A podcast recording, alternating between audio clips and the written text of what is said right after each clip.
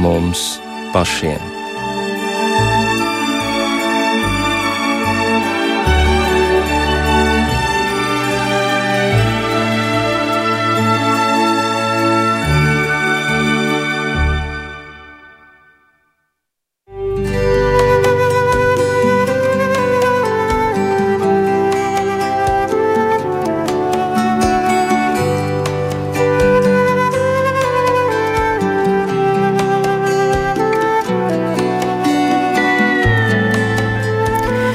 Esiet sveicināti raidījumā pāri mums pašiem, lai ir slavēts Jēzus Kristus.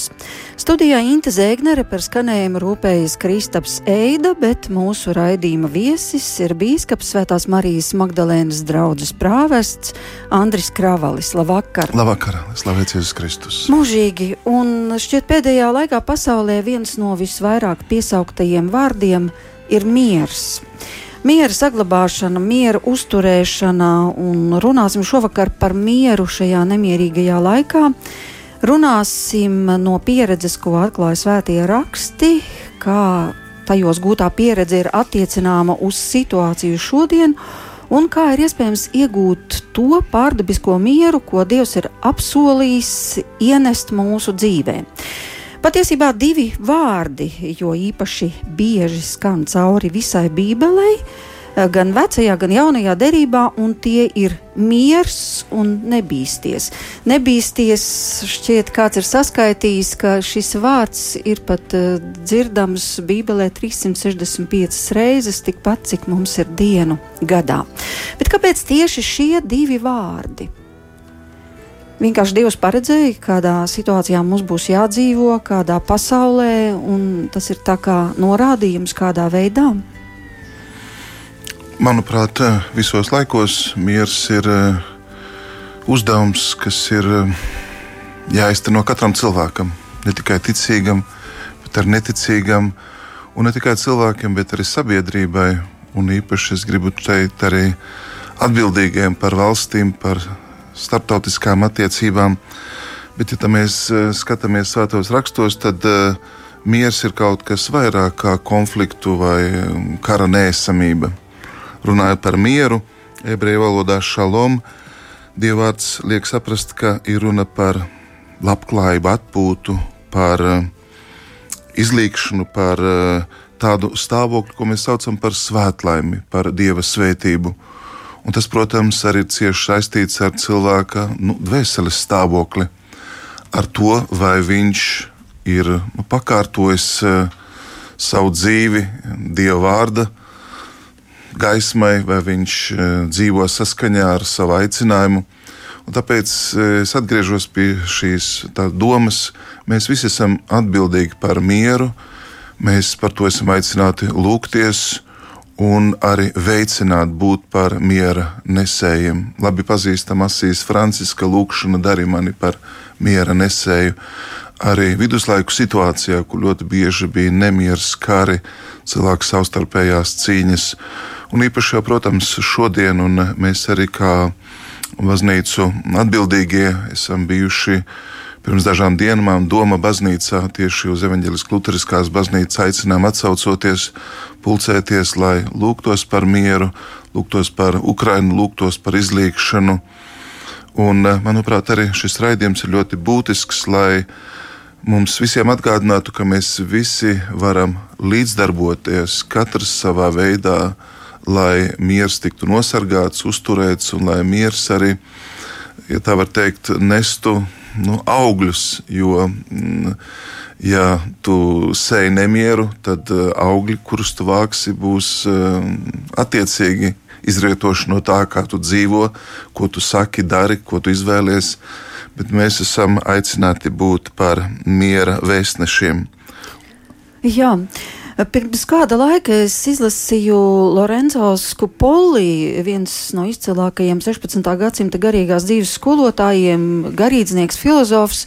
Viņš ir sarakstījis grāmatu Garīgā cīņa, un tur bija kāda ļoti pārsteidzoša atziņa, un viņš ir sacījis, ka ļaunais gars velta visas pūles, lai aizdzītu mieru no cilvēku sirdīm. Tieši to mēs arī mūsdienās redzam. Jo, ja cilvēka sirdī valda dieva miers, tad Dievs, kas tur mājo šajā cilvēkā, dara šajā cilvēkā un ap viņu lielas lietas. Tad, tad var notikt pat pārdabiskas lietas. Un e, ka viena no parastajām ļaunā gara stratēģijām ir attālināt dvēseli no dieva miera, no iekšējā miera, lai būtu nemitīgi par kaut ko trauksmes sirdī. Un patiesībā tieši tā jau mēs dzīvojam. Un varbūt tieši tāpēc šķiet, ka dažkārt lūkšanas ir neauglīgas, lūkšanas netiek uzklausītas. Kā jūs to varētu komentēt? Jā, ļoti pazīstama ir uh, Serafima no Sarovas doma atrodi mieru un tūkstoši ap tevi iemanto šo mieru. Tev ir uzdevums teikt, meklēt šo mieru kā dāvanu, kā augli, kā stāvokli. Bet varbūt, lai nav tā, ka šī vakarā uzreiz mēs vēršamies pie ticīgiem cilvēkiem, kas uh, pakārto savu dzīvi evaņģēlie gaismai, tad es gribu atgādināt, ka katru gadu, 1. janvāri, Katoliskā tradīcijā mēs iesākam ar lūkšanas dienu par mieru. Jēzus dzimstot, eh, pasludina pasaulē šo miera vēsti, miers virs zemes labas gribas cilvēkiem. Pēc augšām celšanās viņš saka, miers jums! Un eh, tāpēc arī praktiski katru gadu baznīca vēršas ar miera vēstījumu pie pasaules, pie valstu atbildīgajiem.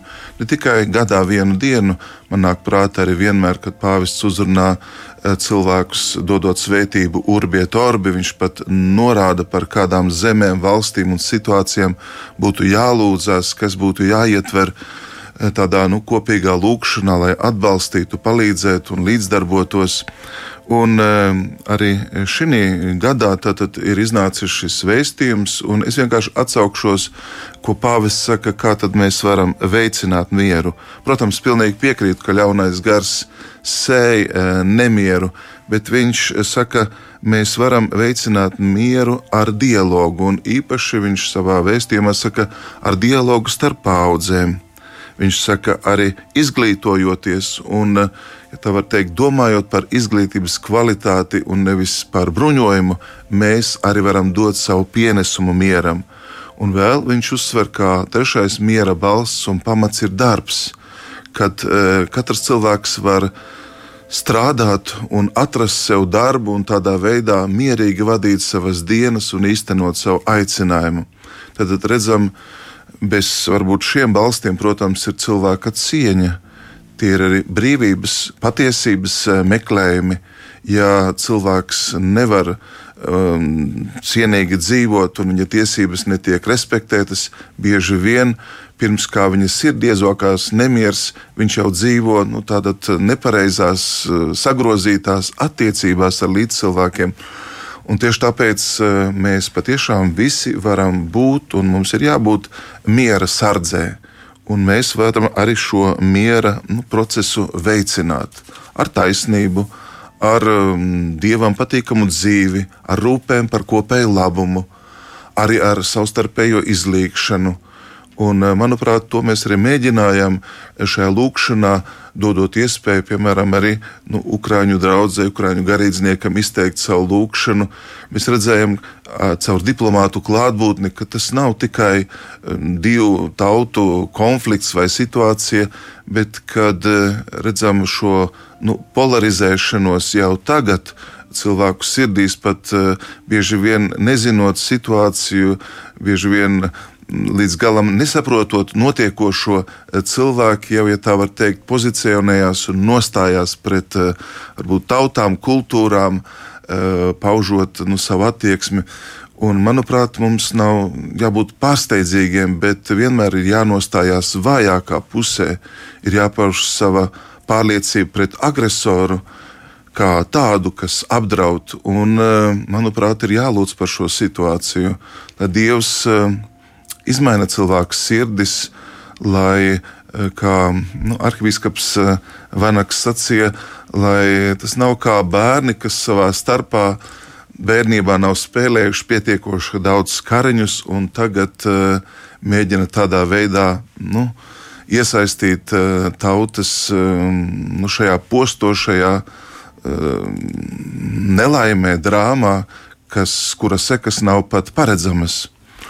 Un tieši tāpēc um, domāju, ka arī ir jāturpina lūgt, un tieši tāpēc arī Pāvests Francisks uh, nemitīgi atgādina. Viņš saka, lai lūkšana būtu efektīva, arī gavēsim, iziesim pretī, meklēsim dialoga ceļus, stiprināsim viens otru tajā cerībā, nepaliksim un nesajutīsimies vienu, jo miers ir kopēju pūliņu rezultāts. Jā, arhibīskapu Vanagu mēs vēl dzirdēsim šajā vakarā, un tas būs ierakstā no Rīgas doma, kad notika šis ekumeniskais aizlūgums. Bet tomēr vai mēs varētu sacīt, ka ir šis dabiskais miers un pārdabiskais miers? Jā, varbūt dabiskais miers izriet no tā, ko jūs sacījāt. Ja cilvēks tiek cienīts, ja viņam ir attiecīgi apstākļi, ja viņš ir labvēlīgs citam cilvēkam, un ja visa viņa vide ap viņu ir sakārtot, skaidrs, ka viņš būs daudz maz mierīgs. Un, tomēr Bībelē atrodami ir arī tādi pārsteidzoši vārdi. Piemēram, Jēzus izsūta savus mācekļus uz ciemiemiem sludināt, un viņš viņiem saka, ka kad ieiesiet šajā namā, sakiet, miers ar jums. Un, ja tur būs kaut viens miera bērns, tad šis miers uz šī cilvēka paliks. Bet, ja nē, tas atgriezīsies pie jums atpakaļ. Kā saprast šos vārdus? Jo tas ir kaut kas pārdabisks, par ko tiek runāts. Manuprāt, jūs jau ļoti pareizi iezīmējat, ka ir tāds nu, cilvēcisks uh, miers, ka cilvēki pastāv blakus un nekaro un mēģina izvairīties no konfliktiem, bet evaņģēlijas iet uh, stipri vien tālāk. Tad, kad mācekļi ir uztraukušies, kad viņi ir nobijušies, Kristus saka, lai jūsu sirdis nebīstas, jūs ticat Dieva, ticiet arī man. Tad, tad šī ticība ir priekšnoteikums šim Dieva mieram Un otrkārt, šajā situācijā Jēzus jau nesūta viņus uh, pašus par sevi, bet viņš viņiem liek pasludināt uh, dievu valstību, pasludināt atgriešanos. Un viņš ir atgādina, ka būs cilvēki, kas nepieņems šo mieru, kas pretosies, kas nepieņems šos uh, nu, Kristus sūtņus, tieši tāpēc nokritiet putekļus un dodieties tālāk un neapstājieties. Un, ja tur būs miera bērns, tad, tad cilvēks, kas gatavs pieņemt pestīšanas vēsti, nu, tad arī tur palieciet un eh, miers eh, nu, ienāk šī namā. Tad, tad redzam, ka arī Kristus sūtot savus mācekļus, eh, ir bez ilūzijām. Cilvēks vienmēr paliek brīvs pieņemt pestīšanas vēsti, vai arī nesot gatavs, vai esot aizņemts ar kaut ko citu, viņš tai var paiet garām. Un tieši tāpēc uh, mēs uh, varam un mums ir jālūdz, lai cilvēki ir uzmanīgi pret miera dāvanu. Es domāju, ka, ja mēs dzīvojam ar kaimiņiem, nevienmēr mums ir labas attiecības. Varbūt dažreiz mēs pat nezinām, kas mums dzīvo blakus. Un tad, eh, kad ir kāds konflikts, tad atklājās, ka patiesībā nu, mēs neesam izdarījuši to nu, minimālo viesmīlības vai iepazīšanās iespēju, lai tādā veidā būtu stiprāk viens otru pazītu, atbalstītu, iestātos viens par otru. Un bieži vien nu, tādi lieli pārbaudījumi tad, um, nu, cilvēkus arī saliedē. Cilvēki arī mobilizējās, viņi uh, iet pāri pār savām robežām un um, nostājās viens otra miera sardzē. Es domāju šeit piemēram par barikādēm. Jā, arī tās tika pieminētas lūkšanas laikā. Un es domāju, redzot arī Ukraiņas tautas centienus pastāvēt mierā, gan tos vingrinājumus, ko viņi tur dara, gan arī solidaritāti, kas valda starp citām tautām. Uh, mēs redzam, ka cilvēki nav vienaldzīgi pret notiekošo. Un, manuprāt, tā ir ļoti laba zīme. Un uh, vēl izmantosim šo ticības dāvanu un spēku, lai nu, iestātos, lūgtu, prasītu, arī patiešām nu, gavētu, gandarītu un paši nu, atgriežoties, dzīvot Dievam patīkamāku dzīvi, un Dievs tad arī svētīs mūsu centienus. Ja nu, tas labais ir būs lielāks par, par, par eh, ļaunumu, par naidu, par grēku. Un, uh, Apostolis Pāvils vēstulē romiešiem arī saka, kur grēks vairojas, tur daudz lielākā mērā tiek dota žēlastība, lai mēs esam gatavi šo žēlastību pieņemt, tajā palikt un arī to drošsirdīgi apliecināt. Tas nozīmē, ka, ja mēs gribam kaut ko saņemt, tad mums kaut kas tomēr arī jādod, vai, vai tā varētu sacīt. Nu, jūs sacījāt, nu, iesim gavēnī, iesim lūkšanās, tātad veltīsim laiku, kaut ko dosim no sevis, tad uh, tam ir būtiska nozīme. Nu, Nu, nevis vienkārši, ah, nu es gribētu, lai ir miers Ukrainā, bet a, dod kaut ko, nu tā kā upurē kaut ko no sevis, ziedo kaut ko no sevis, tad tas ir būt tāds pareizais ceļš. Un to jau var darīt tik viens. Es domāju, visās kristīgajās tradīcijās, konfesijās ir eh, gan vingrinājumi, gan lūkšanas, gan eh, reliģiskas prakses. Un šeit es, piemēram, mazu fragment no grāmatas sekošanas Kristum, kur lasām, sāc ar to, ka tu pats paliec mierā, tad tu spēsi dāvāt mieru citiem. Cilvēks, kurā mājo miers, ir vairāk vērts par to, kurš guvis daudz zināšanu, kas iemantojas mieru, netiesā citus, meklē mieru un tiecies pēc tā. Miera bērnam ir jāmeklē miers un pēc tā ir jātiecas. Tāds ir mantojums, ko kungs mums ir uzticējis. Visas dāvanas, visa atlīdzība, kas mums ir apsolīta, ir saistīta ar miera sargāšanu. Ja esam Kristus mantinieki, paliksim Kristus mierā. Ja esam Dieva bērni, mums ir jāliecina par mieru. Un viena no svētībām, tātad, ko Jēzus Kalna svētības prediķīs saka, svētīgi miera nesēji viņus sauc par Dieva bērniem. Tātad no šiem vārdiem mēs varam izsacināt, ka mēs nevaram īstenot Dieva un tuvāk mīlestības bausli, ja miers kā priekšnoteikums netiek sasniegts. Ja nav miera, mēs nevaram īstenot uh, kopējā labuma, solidaritātes principu. Ja nav sociālās taisnības, tad par kādu uh, mieru mēs varam runāt. Un tāpēc uh, atkārtošos, mēs visi varam iesaistīties vairāk šī miera veicināšanā un nostiprināšanā, gan ar garīgiem spēkiem, ar savu pilsonisku attieksmi, ar savu stāju, ar to, ka mēs sevi svētdaram. Jā, jūs sacījāt, ka būtu labi sākt ar sevi un to mieru iegūt sevī. Bet kā šim mieram tuvoties? Nu, taču tas būtu skaidrs, ka tā nav kāda tehnoloģija. Tas nav kāds meditācijas veids, kurā es vienkārši iegrimstu un tur palieku, vai kāda īpaša poza, ar ko mēs varam sasniegt šo pārdabisko dieva mieru. Nu, tā nav tehnoloģija, jo dieva miers tā ir viņa dāvana. Bet kā mums tad dabūt to dāvanu? Ja šeit varētu raidījumi būt, bet lai varbūt neaizņemtu ēteru, es gribu atsaukties uz autoritātēm. Un šeit, piemēram, Svētais Augustīns. Viņš ir 4. gadsimta viens no baznīcas tēviem, pazīstams gan rietumos, gan austrumos. Un viņš tieši uzdod šo jautājumu, vai tu esi miera draugs? Tad nosargā mieru sevi, atliec malā strīdus, pievērsies lūgšanai, nesāc strīdēties ne ar vienu, pat aizstāvot ticību pret kādu, kas zaimo. Pat ar to tātad neieejam konfliktā, Neatbildi apvainojumam ar apvainojumu, bet gan lūdzies par šo cilvēku. Tu gribētu runāt viņu pašu un eh, nostāties pret viņu, bet runā labāk ar Dievu viņa labā, tad runā ar Dievu par viņu. Es nelieku tev klusēt, izvēlējies piemērotu vietu, uzlūko to, ar ko tu runā klusumā, un ar sirds saucienu vērsies pie Dieva. Tad, tad arī tēvreizē mēs īstenībā vēlamies šo mieru kā tādu mesijānisku dāvanu. Kristus atnākot, atklājās kā miera karalis, miera ķēniņš, miera kungs. Piemēram, mēs to mazliet līdz galam varbūt nepraktizējam, bet īstenībā nu, katra svētdiena, kā augšām celšanās, kā kunga diena, ir miera diena caur to, ka ir nu, sabats. Mēs svinam dieva mieru, kas ebrejiem bija ļoti, ļoti dārgs, kas tika svinēts katru nedēļu šabata laikā.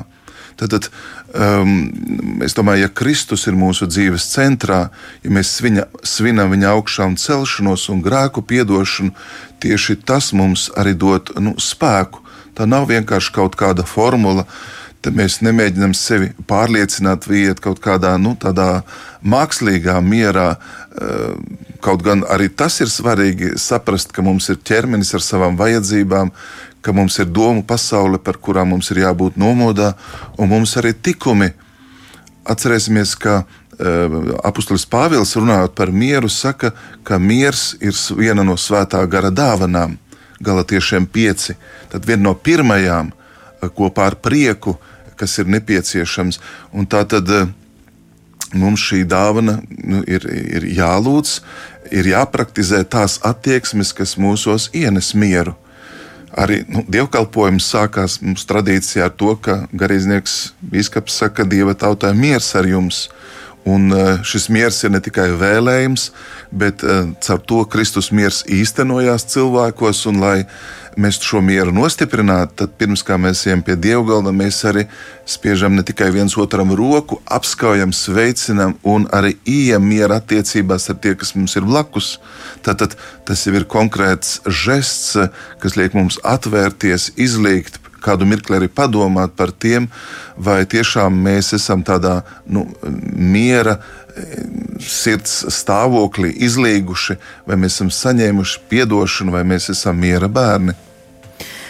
Vai ir vērts, piemēram, analizēt savas sajūtas, ar kādām es no rīta pieceļos, kādas ir manas domas, kad es pamostos, vai tās uzreiz ir nemiera domas un stresa par gaidāmo dienu, pienākumiem, notikumiem, kādas ir manas domas, piemēram, pieceļoties no rīta, un varbūt arī ar kādām domām es eju gulēt, vai no tā kaut kas mainās, vai tā jau drīzāk ir psiholoģija.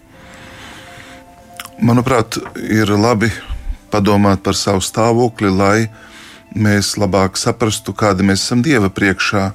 Tas, tas tikai... var mūs iedzīt nemierā, gluži otrādi. Ja mūsos parādās nemieris, tad varbūt mūsos nav taisnības, varbūt mēs nesam pilnā mērā saskaņā ar to dieva gribu vai arī ar savu aicinājumu. Taisnība iet kopā roku rokā ar mieru nu, tad, tad no taisnības dzimst miers visiem. Savukārt taisnība nu, sakņojas mīlestībā un savu visdziļāko avotu atrod žēlsirdībā. Tātad miers nav kaut kas pašsaprotams un automātisks, bet uh, tas būs saistīts ar sakārtotu dzīvi. Ja tu no rīta atmosties un nesi parādījis mīlestību saviem bērniem, nesi parūpējies par savas ģimenes eh, otro pusī, tad ir vērts varbūt eh, iet šajā mīlestībā, atdošanā, izliekšanā. Apostols Pāvils teiks, arī jūs nevarat doties pie miera, ja jūs neesiet piedevuši, izlīguši, un ja miers nav ienācis jūsu sirdī, jūsu attiecībās. Neļaujiet saulē norietēt ja, par eh, jūsu, ja tā var teikt, dvēseles stāvokli, kurā nav miers un izlīgšana.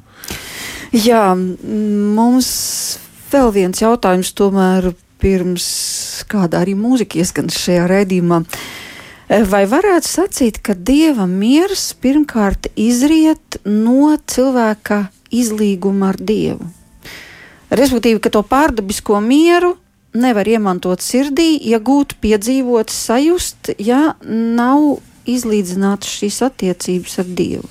Nu, tas ir savstarpēji saistīts nenoliedzami, jo pats Dievs sevi sauc par nu, miera avotu. Jo vairāk mēs esam Dievā, jo vairāk mūsu griba sapņojās Viņā. Nemaldos, tie ir dievišķās komēdijas arī vārdi un pamatdoma. Ja mūsu griba ir Viņā, mūsos ienāk miers. Un tāpēc meklēt Dieva gribu to iepazīt caur Dieva vārdu arī draudzē, caur kādu kalpošanu, kas mums atnes gandarījumu, prieku. Manuprāt, miers ļoti svarīgi e, to redzēt arī ar pārējām svētā gara dāvanām, galotiešiem pieci. Kas veido tādu nu, garīgu organismu. Nav tikai tā, ka tu esi tagad mierā un e, tevi nerūp visa pasaule. Nē, tieši pretēji, ja tu ieiešini dieva mierā, piemēram, apstuļiem Jānim Jēkabam un Pēterim Tabora kalna apskaidrošanas brīdī. Viņiem bija šīs pārdabisks miers, kad Kristus atklāja savu dievišķo dabu, ka viņi redzēja arī vecās derības piepildījumu caur mūzu un Eliju, tad viņi nu, gribēja šo mirkli apturēt, celt telti. Un es domāju, ka viņi tika ievesti šādā neatkārtojamā pieredzē. Bet, bet mums arī tādu gribētos. Es domāju, ka tas jā, ir sautīgi. Jākāp lūkšanu kalnā vai jānokalāp arī pazemības ielējā, un mēs noteikti tur satiksim kungu un piedzīvosim arī šo mieru. Protams, ka svētajos rakstos jaunajā derībā mēs atrodam šos īpašos Jēzus sacītos vārdus, ko viņš saka uh, saviem mācekļiem. Savu mieru es jums dodu, ne tā kā pasaule dod, es jums dodu. Un tas nozīmē, ka viņš dod saviem mācekļiem kaut ko īpašu tad kas tas ir par mieru, ko viņš dod? Nenoliedzami šis miers ir saistīts ar sekošanu Kristumu, ar atgriešanos, ar pestīšanas pieņemšanu, grēku, nožēlu. Svētais Bēda godāmais saka, ka tā kļūdās tas, kas cer iemantot mieru, baudot šīs pasaules labumus un bagātības. Visiem uztraukumiem, ko tik bieži saprotam virs šīs zemes, e, patiesībā īstenojās Jēzus vārdi, kad viņš saka, nu, mēs ceļam savu namu uz smiltīm ja mēs liekam cerību tikai šeit, šajā nu, paliekošajā materiālajā nu, pasaulē, tad eh, nu, tā nepastāvēs, tā pāries. Un tieši tāpēc ticība, paļāvība, uzticēšanās, bet arī vēl, manuprāt, ļoti svarīgs aspekts ir nes šo mieru arī citiem. Jo, kad Jēzus saka, kad jūs dosieties, kad es jums sūtu, tad sakiet uh, mieru šim namam. Tad, eh, nesot miera vēsti, arī savu dzīvi pakārtojot šai vēstī, mēs patiešām ienesam dieva klātbūtni cilvēku sirdīs. Un, manuprāt, tāds ir katras draudzes uzdevums, tāds ir visas baznīcas nu, uzdevums un sūtība. Un jāsaprot, ka arī mums pašiem ir katram personīgi jāatgriežas. Mums ir nu, jāveic šī pārēja no nāves uz dzīvību, no kļūdām uz patiesību, no bezcerības uz cerību, no bailēm uz paļāvību. Jā, viegli jau tā pateikt, tikai diezgan grūti izdarīt. Es tomēr gribu vēl kādu jautājumu jums uzdot, kas attiecas tieši uz šo Jēzus sacīto, viņš toreiz teica, tas vēl bija pirms viņš eh, devās uz ģedzemanes dārzu, pirms viņa apcietināšanas, viņš teica, savu mieru es jums dodu, jūsu sirdis, lai neiztrūkstas un neizbīstas. Uh, bet tad, kad Jēzus tika apcietināts, uh, mācekļi taču nobijās. Viņš bija viņiem iedevis savu mieru, un kamēr viņš bija kopā ar viņiem, tikmēr pat Pēteram bija drosme izvilkt zobenu un cirst tam kalpam, nocirst tavu, un cīnīties, cīnīties. Bet tad, kad Jēzu paņēma prom, tad arī Pēters kļuva bailīgs, nu tā tad nebija viņā vairs miera. Nu, kā tas ir iespējams? Jā, manuprāt, Pēters šeit mēģināja mieru nosargāt ar cilvēciskiem līdzekļiem. Viņš pats taču vienā mirklī pat atrunāja Kristu no ciešanām. Un, uh, vienmēr, kad dievišķais saskarās ar cilvēcisko, vai tie būtu pravieši, vai tā būtu Marija, vai šeit ir apstuļi, nu, pēc augšām celšanās, kāpēc Jēzus vēršas ar šo sveicienu miers jums. Ne tikai, nu, beidzot satiekamies, bet es domāju, ka tur ir arī piedošana ļoti svarīgs faktors, jo Jēzus caur šo miera dāvanu grib pateikt, ka viņiem ir piedots, ka viņa vājums, uzticība, bailes, ja tā var teikt, ir izgaismotas caur augšām celšanos. Un ka svarīgi ir nepalikt pagātnes pieredzē, bet iet šajā jaunajā realitātē, ko viņš vēlas nu, viņiem atklāt, ievadīt, pasniegt. Un tieši tāpēc Jēzus pēc augšām celšanās arī dveš un saka, saņemiet svēto garu.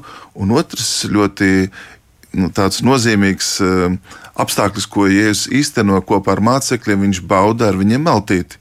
Lai pārliecinātu, lai pieradinātu, lai no jauna pateiktu, es tas esmu, uh, tas pats Jēzus ar pārveidotu miesu, kurai jūs varat pieskarties, bet nu, dzīve turpinās. Eh, piedošana jums ir dota, jūs paši tagad kļūsiet par pestīšanas vēsts nu, līdzstrādniekiem, par miera un labās vēsts nesējiem. Un tāpēc, manuprāt, evaņģēlijs eh, var tikt saukts ne tikai kā nu, labā vēsts, pestīšanas vēsts, bet arī miera vēsts. Un Kristus ir miera vēstnesis, un eh, baznīcas uzdevums ir šo vēsti turpināt un arī likt, lai šī vēsts atskan cilvēku sirdīs. Jā, bet vispirms jau tīri cilvēciski domājot par mieru, protams, ka tiek domāts par jebkādas kara darbības izbeigšanu. Un arī šonadēļ Rīgā risinājās Ukrainas nedēļa, kur ar dažādiem pasākumiem eh, tika pausts atbalsts Ukrainas suverenitātei, un pie brīvības pieminekļa notika pasākums šis karoks par mieru. Uh, Un, protams, notika arī ekumēnisks aizlūgums, kurā gan jūs piedalījāties, gan arhibīskaps Jānis Vanaks, arī no pareizticīgās baznīcas, un tāpat un no baptistu baznīcas bija pārstāvji. Un uh, varbūt šobrīd ieklausīsimies, ko savā uzrunā arhibīskaps Vanaks sacīja, un cik svarīgi ir šie vārdi par žēlastību un mieru, ko arī Pāvils savā vēstulēs, kad viņš ir raksta Filipiešiem, romiešiem, viņš ar to tieši sāk žēlastība un miers. Arī viņš to uzsver. Žēlastība jums un miers no Dieva mūsu Tēva un no mūsu Kunga Jēzus Kristus šajā vakarā, kad dzirdam ziņas, ka nu pat, nu pat var sākties karš. Mēs esam sanākuši, lai darītu to, ko spējam. Lūgt Dievu par cilvēkiem, par tautām, par mieru. Kungs Jēzus teica, jūs dzirdēsiet par kariem un kara daudzināšanu, jo tauta celsies pret tautu un valsts pret valsti. Tas būs lielo bēdu iesākums.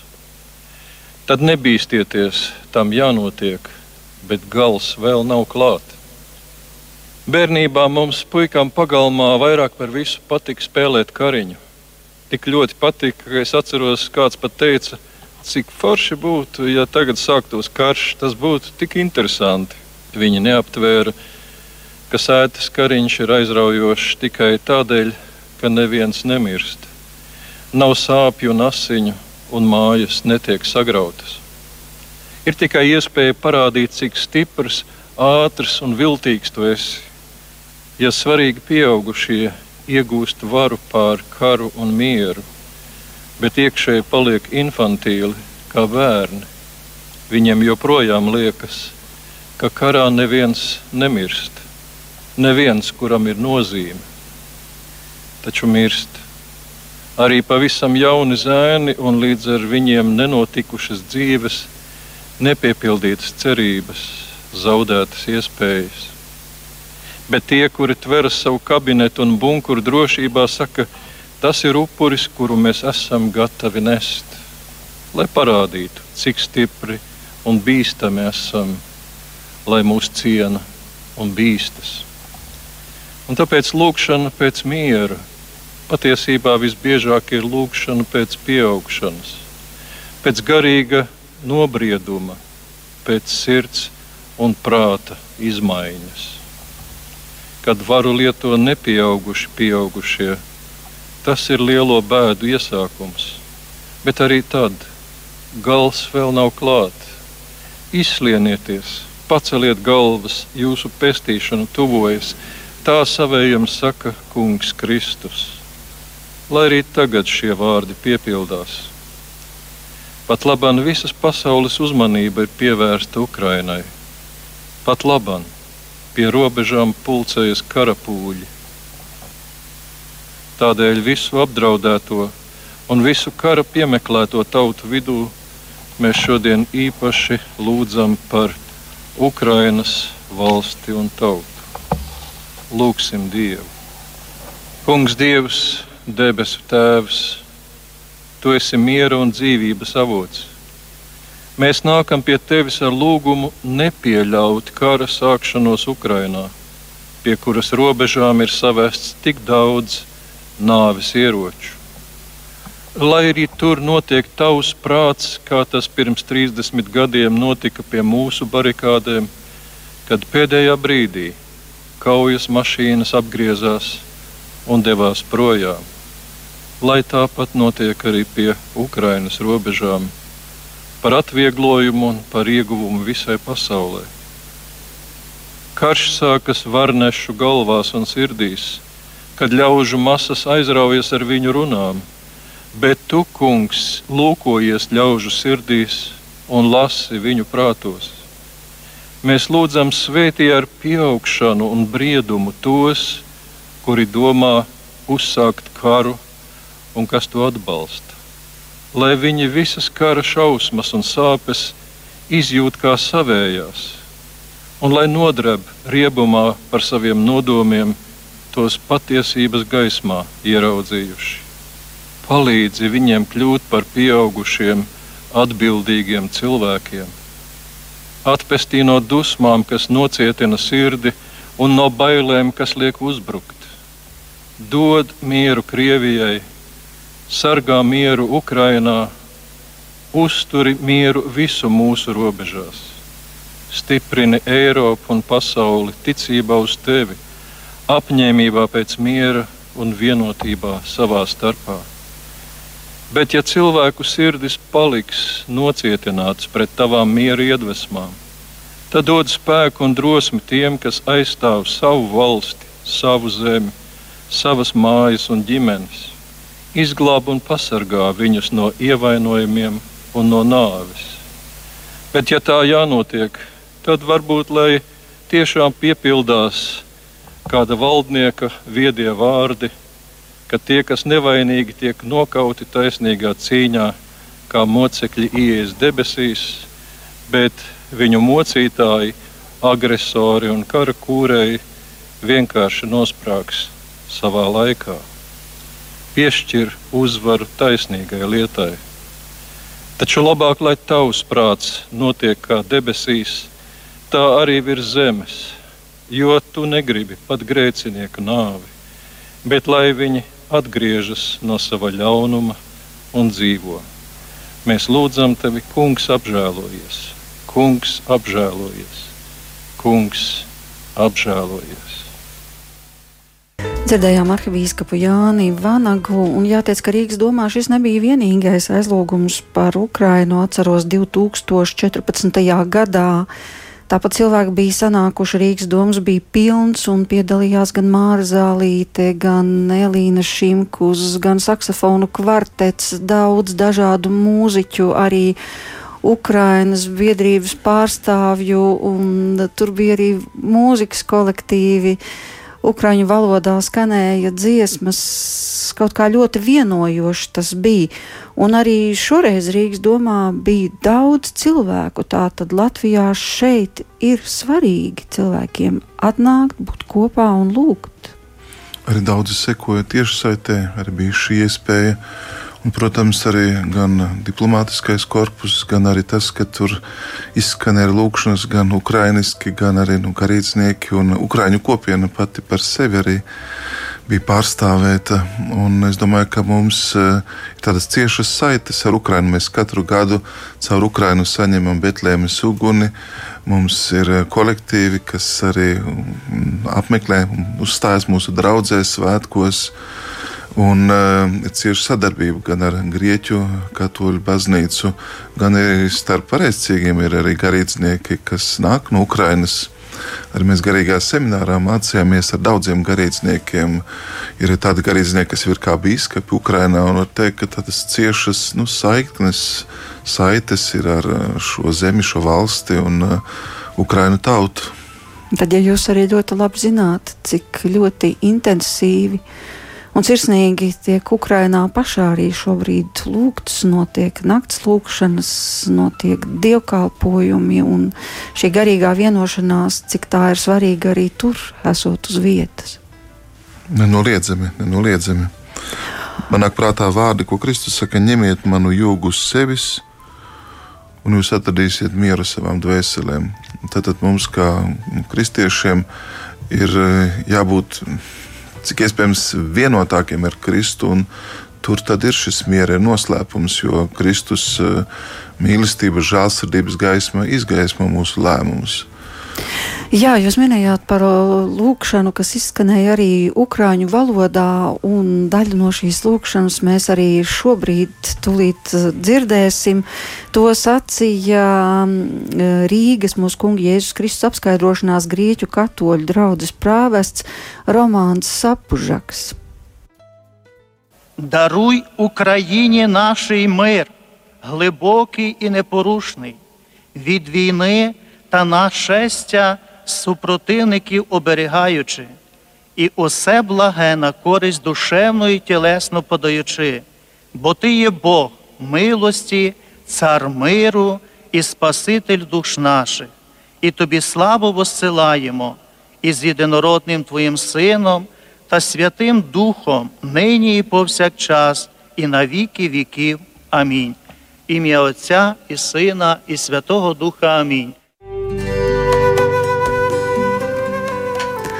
Jūs jau noteikti dažos vārdos arī varētu pateikt, kas šajā lūkšanā izskanēja. Domāju, ka tie, kas krieviski saprot, jau 80% noteikti saprata un nu, sajūta šo lūkšanu. Šis garīdznieks jau vairāk astoņus gadus ir patiesībā Latvijā un kalpo un arī Ukraiņu draugu aug. Un arī ļoti labi runā latviešu. Viņš, protams, ļoti labi runā latviešu, gan viņa ģimene. Man... Jā, nu par mieru, protams, tika lūgts un sacīts, jo tu esi žēlsirdīgs, dievs, miera valdnieks. Vēl gribu vaicāt par to ļoti svarīgo svētību, ko Dievs, to mēs lasām vecajā derībā, iemācīja mūzumu. Viņš konkrēti norādīja, kā ir jāsvētā tauta. Kādā veidā tas ir jādara, lai Dievs šo tautu svētītu. Protams, ka tie vārdi ir labi zināmi arī šobrīd. Tas kungs, lai tevi svētī un lai tevi pasargā, tas kungs, lai apgaismo savu vaigu pār tevi un lai tev žēlīgs, tas kungs, lai paceļ savu vaigu uz tevi un lai dod tev mieru. Tas nozīmē, ka varbūt mums ir vērts sameklēt šos vārdus, pašiem viņus lasīt, jo nu, tas ir Dieva apsolījums, ka caur šiem vārdiem mēs tiksim svētīti. Ko mēs paši varam iesākt ar šiem vārdiem nu, savā ikdienā?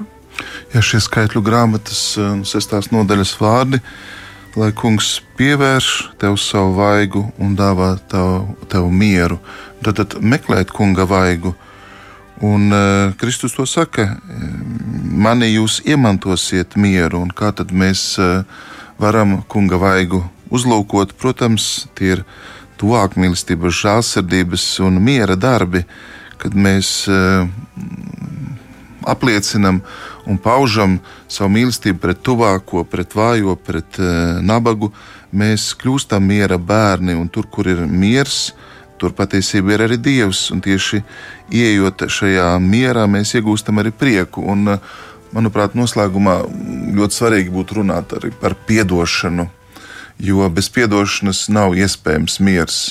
Tāpat kā taisnība pieprasa žēlsirdību, tā arī atdošana. Un, manuprāt, tieši tā ir tā pamata attieksme, ko mēs esam aicināti kultivēt.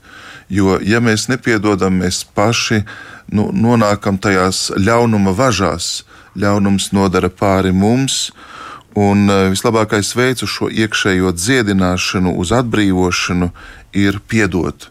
Saņemt atdošanu kā dieva dāvanu un to dot tālāk. Un nevis tāpēc, ka varbūt cilvēki ir to vairāk vai mazāk pelnījuši, bet tāpēc, ka šī atdošana ir vajadzīga mums pašiem. Un katreiz lūkšanā un cilvēku savstarpējās attiecībās mēs esam to aicināti veicināt. Un tādi piedošanas cilvēki, protams, ir Dieva vārdā, Dieva vīri un uh, sievas, uh, tie pravieši, tie ir kunga sekotāji un mācekļi. Mēs uh, saprotam, ka piedošana ir process, ka tas nav vienkārši lēmums, bet tas prasa laiku, tas prasa caurskatīt savus lēmumus, bet tāpat laikā tas ir tāds nu, ātrgaitas ceļš uz iekšējo mieru. Ja mēs gribam mīlēt, tad mums ir jāpiedod, un tieši atdošana veicina mūsos mīlestību, izlīkšanu.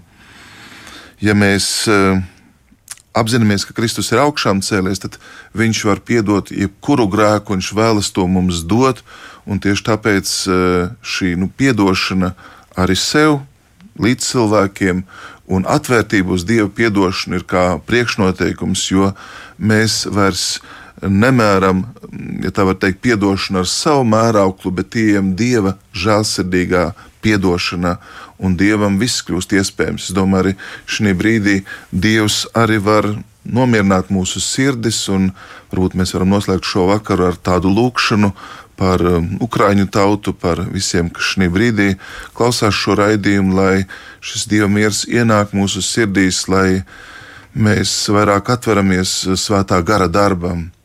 Debes Tēvs, kā Tavs dēls Jēzus Kristus mums ir mācījis, šī vakarā mēs paceļam rokas un savas sirdis lūkšanā sakot, mūsu Tēvs debesīs, svētīts lai top Tavs vārds, lai nāk Tava valstība Tavs prāts, lai notiek kā debesīs, tā arī virs zemes. Mūsu dienascho maizi dod mums šodien, un piedod mums mūsu parādus, kā arī mēs piedodam saviem parādniekiem, un neieved mūsu kārdināšanā, bet atpestī mūs no ļauna, jo tev pieder valstība, spēks un gods mūžīgi mūžos. Āmen! Tēva un dēla un svētā gara vārdā Āmen! Tad jau noteikti iedosiet arī svētību. Jā, lai tā jūs visus pavada, un lai šie vārdi, lai kungs pievērš tev savu vaigu un dāvā tev savu mieru, ienāk jūsu ģimenēs, jūsu sirdīs, ienāk mūsu sabiedrībā un īpaši skar šīs attiecības starp Ukrainu un Krieviju, starp kaimiņu valstīm, lai šis miers arī dod paļāvību, ka Dievam viss ir iespējams un Dievs visu spēj darīt jaunu un atjaunot mūsu sirdsprātu, un lai Viņš mūs svētī tēva un dēla un svētā gara vārdā. Āmen! Amen.